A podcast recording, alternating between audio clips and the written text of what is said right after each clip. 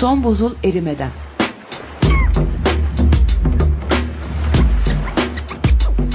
Küresel iklim değişikliğinin bilimsel gerçekleri üzerine.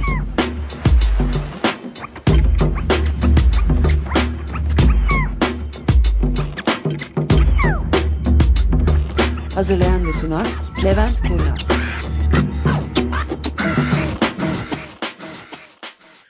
İklim krizinin bir tek gerçek çözümü vardır. Kömür, petrol ve doğal gaz yakmayı bırakmak. Bunun dışındaki tüm çözüm önerileri içlerinde önemli ama bir ama barındırır. Gezegenimizin ise artık amalara ayıracak vakti kalmadı. Eğer birkaç yıl içinde karbondioksit salımlarımızı azaltmak yönünde kalıcı ve büyük adımlar atmazsak, gezegendeki bugünkü yaşamı bile sağlayabilmek için çok çaba sarf etmemiz gerekecek. Teknolojik medeniyetimizin büyük bir kısmının bu fosil yakıtlar sayesinde oluştuğunu kabul etmeliyiz. Lakin bu ileri teknoloji bizlere artık fosil yakıtlar olmadan da enerji üretebilmemizin de yollarını açtı. Rüzgar ve güneş enerjisi enerji verimliliği ile birleştiğinde ihtiyacımızın tamamını karşılayacak seviyeye çıkartılabilir. Buradaki engelimiz kesinlikle teknolojik değil. Fakat kömür, petrol ve doğalgaz hala ucuz kabul edildiğinden bu kaynaklara dayanarak yaşamımızı devam ettirmemiz de çoğunluğa daha makul bir çözüm olarak görünüyor. Oysa petrol, kömür ve doğalgazın hala ucuz olabilmesinin başta gelen sebebi bunların yarattığı dışsallıkların ekonomik sistem içerisinde hesaba katılmamalarıdır. Yani kömür, petrol ve doğalgazı yakıyoruz ve çıkan duman havaya karışıyor. Biz ise bu dumanın sonrasında nelere yol açtığını ya düşünmüyoruz ya da düşünmek istemiyoruz. Evde ürettiğimiz çöpü düzenli bir biçimde götürüp belediyenin rahatça toplayabileceği bir yere bırakıyoruz. Ürettiğimiz bu çöp bizim dışsallığımızdır. Ama çöpü pencereyi açıp dışarı atmıyoruz. Bunun iki nedeni var. Birincisi, herkes aynı şeyi yapacak olursa yaşadığımız ortamlar oluşacak başka problemlerin yanında sağlıksız ve dayanılmayacak kokularla dolu hale gelir. Ama ikincisi, bunu yapacak olursak belediye ekiplerinin gelip ceza kesmesi mümkündür. Bundan dolayı da bir dışsallık olan çöpümüzü düzenli bir şekilde bertaraf etmeyi seçiyoruz. Ne yazık ki yaktığımız doğalgaz, petrol ve kömürden çıkan karbondioksit de benzer şekilde üzerinde yaşadığımız gezegeni yaşanmayacak hale getiriyor. Buna rağmen hemen hemen her evsel veya endüstriyel sistemden çıkan karbondioksit gazını bir dışsallık olarak kabul etmiyoruz. Halbuki karbondioksit de evdeki ya da endüstrideki çöpler gibi bir dışsallık olarak kabul edilse ve belirli kurallara tabi olsa, havaya saldığımız karbondioksit miktarı ciddi biçimde azalırdı. Sonuç olarak iklim krizini durdurmanın yolu karbondiokside ciddi bir fiyat biçip kimsenin bedavaya atmosferi kirletmesine izin vermemektir. Ancak kömür, petrol ve doğalgaz üretim sistemleri zaman içerisinde büyük lobiler oluşturup politikayı etkileme gücüne sahip olduklarından politikacıları karbondioksite uygun bir fiyat biçmeye ikna etmek neredeyse imkansızdır. Bugün meclislerde konuşulan 50 avro karbon fiyatı bile gerçeği yansıtmaktan son derece uzaktır. O zaman sistemler ve politikamız petrol, doğalgaz ve kömürün uzun süre daha bizimle beraber olacağı düşüncesine dayandırılıyor. Yani biz kısa vadede kömür, petrol ve doğalgaz yakmayı bırakmayacağımıza ve saldığımız karbondioksit atmosferi zararlı olacak oranda ısıttığına göre bu karbondioksiti atmosferden çekmenin bir yolunu bulmak zorundayız düşüncesi politikaya hakim oluyor.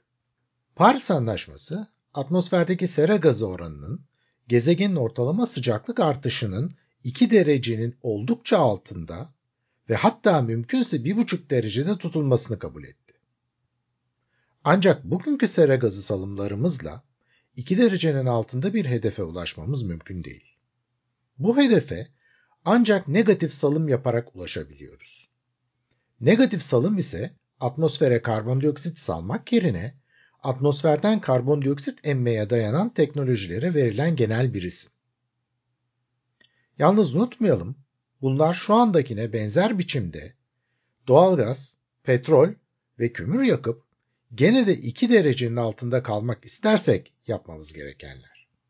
Yoksa kömür, petrol ve doğalgaz yakmayı hızlıca bırakacak olursak 2 derecenin altında kalmamamız için hiçbir neden yok. Havadaki karbondioksidi emmeye dayanan teknolojilerin Paris Anlaşması kapsamında en fazla konuşulanı BECS. Yani havadan karbondioksiti emen bitkisel ürünler yetiştireceğiz. Bu ürünlerden besin değil, yakıt üreteceğiz. Sonra da bu ürettiğimiz yakıtı yakarak enerjiye dönüştüreceğiz. Bu sırada çıkan karbondioksidi de tutup havaya salmayacağız. Sonra tuttuğumuz bu karbondioksidi de yer altında bir yerde bir daha dışarı çıkmayacak biçimde depolayacağız. BECS, Bioenergy Carbon Capture and Storage yani havadaki karbondioksiti bitkiler aracılığıyla tutup sonra da buradan enerji üretip çıkan karbondioksidi de yakalayıp depolama yöntemi yani genel anlamıyla CCS, Carbon Capture and Storage, iklim krizinin çözümünü oluşturamaz. Bunun çeşitli nedenleri vardır ama en önemlisi en sondaki S harfinde. Yani saklamada gizli. Hatta belki de gizli bile değil alenen ortada. Siz bir gazın hiç çıkmayacak bir şekilde depolanmasının ne derece güç olduğunu biliyorsunuz değil mi? Şimdi bir de bunu her yıl atmosfere saldığımız yaklaşık 50 milyar ton karbondioksit için yapmayı deneyin bir de. Buna imkansız demek aslında bilimsel olarak mümkün değil. CCS elbette bilimsel açıdan mümkün, hatta teknolojik açıdan da her geçen gün daha da mümkün olma yolunda ilerliyor. Ancak en önemli sorunumuz pahalı olması.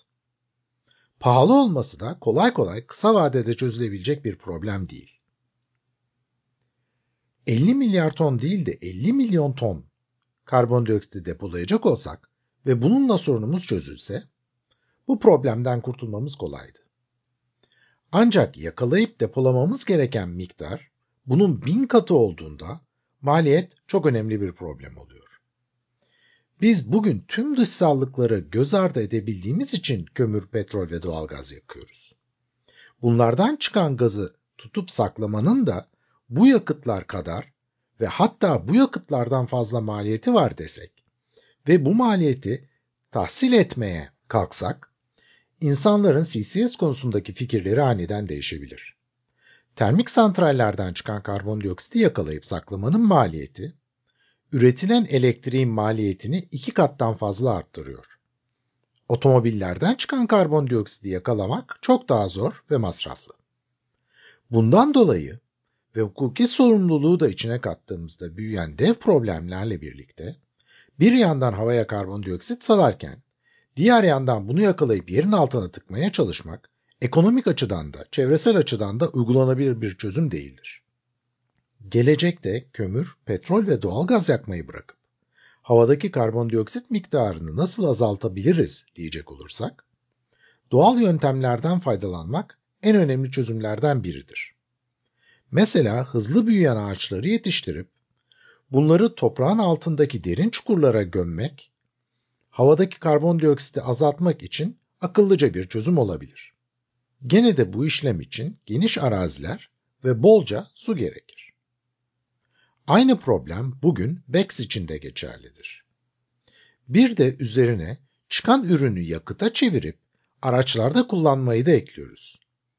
Unutmayalım karbondioksiti tutma teknolojisi bugün için sadece termik santraller için geçerlidir arabanızda yaktığınız biyodizelden çıkan karbondioksiti tutmak henüz mümkün değildir.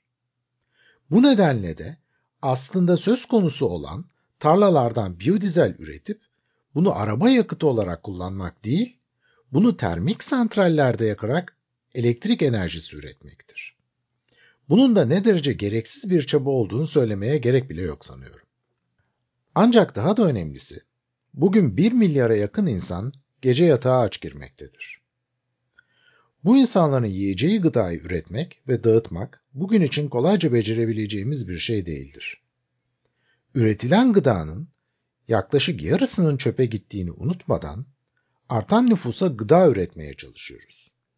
Bu gıda üretimi her geçen gün daha fazla arazi ve su gerektiriyor. Tarımsal üretimde verim artışını düşündüğümüzde çözüm yolu olarak doğal yöntemlerden çok daha fazla kimyasal ve genetik yöntemler karşımıza çıkıyor. Dolayısıyla gıda üretimini arttırmak için çıkar yolumuz olarak genelde daha fazla arazi ve daha fazla temiz su kalıyor.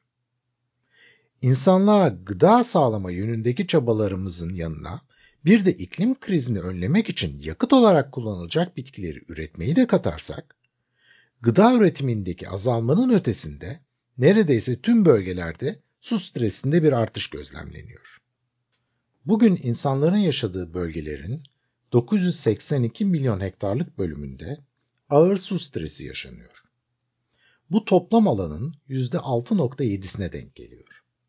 Bu yüzyılın sonuna değin karbondioksit salımlarına fazla bir etki etmezsek ve yeryüzü ortalamada 3 derece ısınacak olursa 1579 milyon hektarlık alanda ağır su stresi yaşanmaya başlayacak. Bu da toplam alanın 10.7'si anlamına geliyor. Ancak eğer BECS uygulayarak sıcaklık artışını Paris Anlaşması'nda öngörüldüğü gibi 1,5 derecede tutmayı başarırsak 1939 milyon hektar alan ağır su stresi yaşayacak. Bunun anlamı da dünyanın 13.2'sinde ağır su stresi yaşanacağıdır. Yani biz hiç BECS uygulamayacak olsak dünyadaki toplam alanın 10.7'sinde su stresi yaşanacakken bunu uyguladığımızda bu oran %13.2'ye çıkıyor. İşin ilginç tarafı yapılan analize göre atmosferdeki karbondioksit miktarını azaltmaya çalışmadan sadece tarımsal üretime odaklanacak olursak stres altına giren bölgeler ve dolayısıyla da oralarda yaşayan insan sayısı çok daha az olacak. Elbette biyoyakıtlar sadece tarımsal ürünlerin bir şekilde yetiştikleri yerlerde yetişmek zorunda değil. Mesela denizde yetişen bazı yosun ve alg türlerinden de benzer şekilde yakıt üretmek mümkün.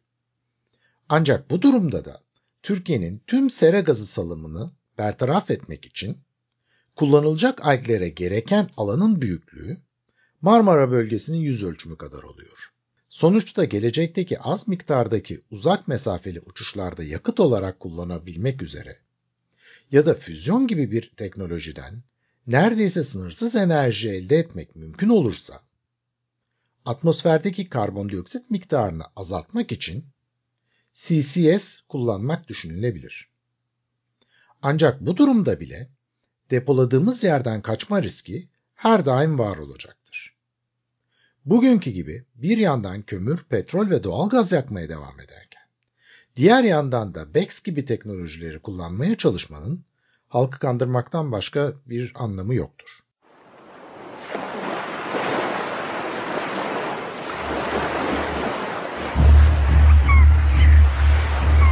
Son buzul erimeden.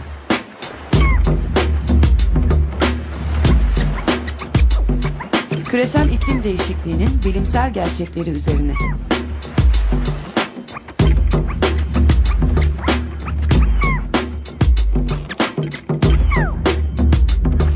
Hazırlayan ve sunan Levent Kurnaz.